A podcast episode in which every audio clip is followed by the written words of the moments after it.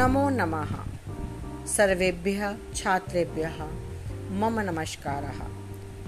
प्रिय छात्राः, अद्य अस्माकं संस्कृतकक्षायाः प्रथमः दिवसः अस्ति। प्रथमकक्षायां सर्वेषां छात्राणां हार्दिकम् अभिनंदनम प्यारे बच्चों, आज संस्कृत कक्षा का हमारा पहला दिन है। इसलिए आप सभी छात्रों का संस्कृत कक्षा में हार्दिक स्वागत है। अद्य वयं सर्वप्रथमम् ईश्वरस्य स्मरणं करिष्यामः। प्रभो, देशरक्षाबलं मे प्रयच्छ। नमस्ते अस्तु देवेश, बुद्धिं च यच्छ। सुतास्ते वयं शूरवीराः भवाम। गुरून् मात्रं चापि तातं नमाम। हे प्रभु मुझे देश की रक्षा करने के लिए शक्ति दीजिए। हे ईश्वर, आपको मेरा सादर नमस्कार है। हे देव, मुझे उत्तम बुद्धि दो। हम आपके पुत्र शूरवीर बने। हम गुरुओं को तथा माता पिता को भी प्रणाम करें। क्योंकि बच्चों, कोई भी कार्य प्रारंभ करने से पहले हमें उस ईश्वर का धन्यवाद ज्ञापन करना अनिवार्य है। जिसने हमें जीवन की सभी सुखों का अनुभव कराया। तो चलिए अब चलते हैं अपने पहले पाठ की ओर। प्रथमा पाठ पहला पाठ। स्वास्थ्य धनम। स्वास्थ्य ही धन है। इस पाठ के अंतर्गत स्वास्थ्य पर विशेष रूप से ध्यान किस प्रकार देना चाहिए? किन नियमों का पालन करना चाहिए? किन नियमों का पालन करके हम स्वस्थ रह सकते हैं और दीर्घायु बन सकते हैं इस बारे में बताया गया है और कहा है कि वास्तव में स्वास्थ्य ही सबसे बड़ा धन है।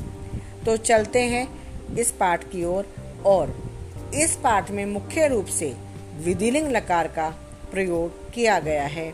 उसकी पुनरावृत्ति की गई है क्योंकि हमने सप्तमी कक्षा में विधिलिंग लकार का प्रयोग किया था परंतु आठवीं कक्षा में हम इसकी दोबारा पुनरावृत्ति करेंगे। आज्ञार्थक प्रेरणा को विधि कहते हैं। संस्कृत भाषा में प्रार्थना, इच्छा, चाहिए, अनुमति, निमंत्रण एवं अनुरोध के अर्थ में इस लकार का प्रयोग किया जाता है। इसके रूप इस प्रकार हैं।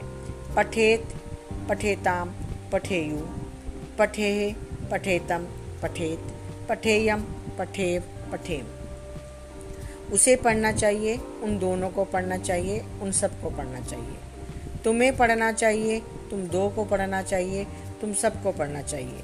मुझे पढ़ना चाहिए, हम दो को पढ़ना चाहिए, हम सबको पढ़ना चाहिए। अध्यापक कक्षा प्रविशति। अध्यापक कक्षा में प्रवेश करते हैं। सर्वे छात्रा उत्थाय अध्यापकम नमनती। सभी छात्र उठकर अध्यापक को नमन करते हैं। अध्यापक छात्रान दृष्टवा पृछते अध्यापक छात्रों को देखकर पूछते हैं, अध्यापक किम सर्वे छात्रा उपस्थिता? क्या सभी छात्र उपस्थित हैं? एक छात्र एक छात्र। हे आचार्य, संजीवा न आगछत संजीव नहीं आया है। अध्यापक किमर्थम किस लिए? अपि तस्य गृह सर्वे कुशलम क्या उसके घर में सभी कुशल हैं? न आचार्य, सा तो ऋतु ज्वरेन पीड़िता अस्ति। वह तो ऋतु ज्वर यानी कि सीजनेबल फीवर ऋतु ज्वर से पीड़ित है। अतः विद्यालय न आगछत इसलिए विद्यालय नहीं आया। अध्यापक, एतत् ज्ञातवा दुखम अनुभवामी। यह जानकर दुख का अनुभव करता हूँ। वयम स्वास्थ्य से नियमानाम पालनम अवश्यम कुरियाम। हम सब स्वास्थ्य के नियमों का पालन अवश्य करें। ध्रुवाह आचार्य, हे आचार्य किम ते नियम? वयम ज्ञातुम इच्छा वे कौन से नियम हैं? हम सब जानना चाहते हैं। अध्यापक, संस्कृत साहित्य आयुर्वेद शास्त्र से एक ग्रंथ अस्ति। संस्कृत साहित्य में आयुर्वेद शास्त्र का एक ग्रंथ है। तस्मिन ग्रंथे, उसी ग्रंथ में स्वास्थ्य के विषय में विस्तार से वर्णितम वर्णन किया गया है। प्रकाश, आचार्य, हे आचार्य, ग्रंथस्य किम नाम नामस्ति केन च रचिता? अयम ग्रंथ। ग्रंथ का क्या नाम है और किसके द्वारा यह रचा गया है? अध्यापक अयम महान ग्रंथ महर्षिना चक्रेन रचिता। ग्रंथस्य नाम चरक संहिता अस्ति। यह महान ग्रंथ महर्षि चरक के द्वारा रचित है।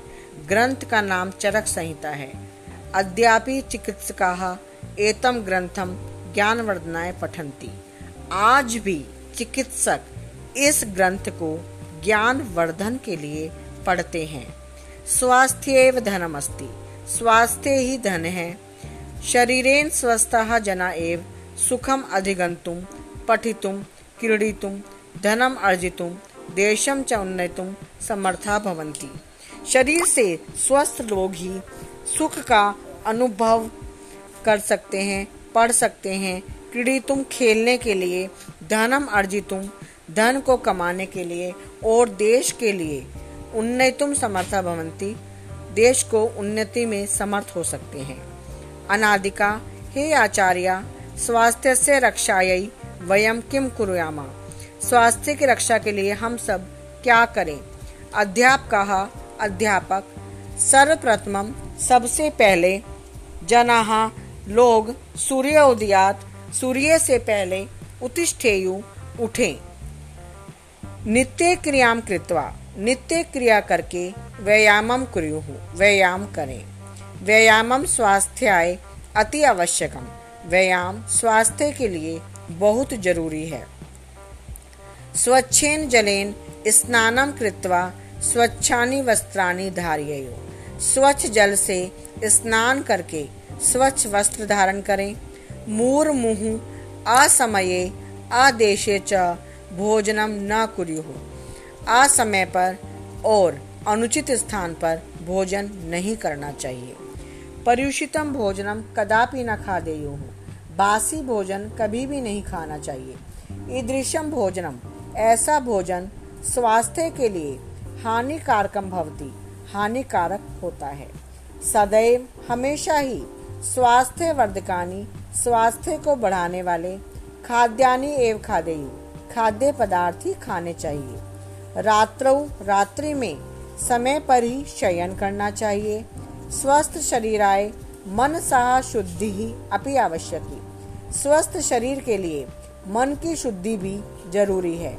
अतः इसलिए जनाह लोग ईश्वरम भगवान को, आचार्यों को गुरुन वृद्धांच गुरुओं की और वृद्धों की अर्चयु अर्चना करनी चाहिए। मन सहा शुद्धये। मन की शुद्धि के लिए सदा सत्यम वदेयु। हमेशा सच बोलना चाहिए। प्रियम वदेयु, प्रिय बोलना चाहिए। सज्जना नाम संगतिम चकुरियो और अच्छे लोगों की संगति करनी चाहिए। नियमान माँ भिंदेयु। नियमों को नहीं तोड़ना चाहिए। सर्व प्राणीशु बंधु भूता सभी प्राणियों में बंधु भाव रहना चाहिए। एतेषां नियमानां पालनं कृत्वा जनाः सदैव मनसा शरीरेण च स्वस्थाः भवितुं शक्नुवन्ति। इन नियमों का पालन करके लोग हमेशा ही मन से और शरीर से स्वस्थ रह सकते हैं। स्वस्थ ही नागरिक स्वस्थ नागरिकों के द्वारा देश अपनी उन्नति देश की भी उन्नति होती है। सर्वे छात्रा, सभी छात्र अद्य वयम आज हम सब ज्ञानम अविंदाम। आज हम सबने ज्ञान प्राप्त किया कि स्वास्थ्य धनम अस्ति। स्वास्थ्य ही सबसे बड़ा धन है। अध्यापक अध्यापक, स्वस्थ भवेत, स्वस्थ रहें। आयुष्मंता भवेत, आयुष्मान बने, अर्थात लंबी आयु वाले बने। तो बच्चों, इस पाठ के अंतर्गत हमने स्वास्थ्य रहने के, अर्थात स्वस्थ रहने के लिए हमें किन नियमों का पालन करना चाहिए, इसके विषय में गहनता से अध्ययन किया तो आप सभी इन नियमों का अवश्य ही पालन करें, तभी आप हमेशा मानसिक रूप से और शारीरिक रूप से स्वस्थ रहेंगे। प्यारे बच्चों, धन्यवाद।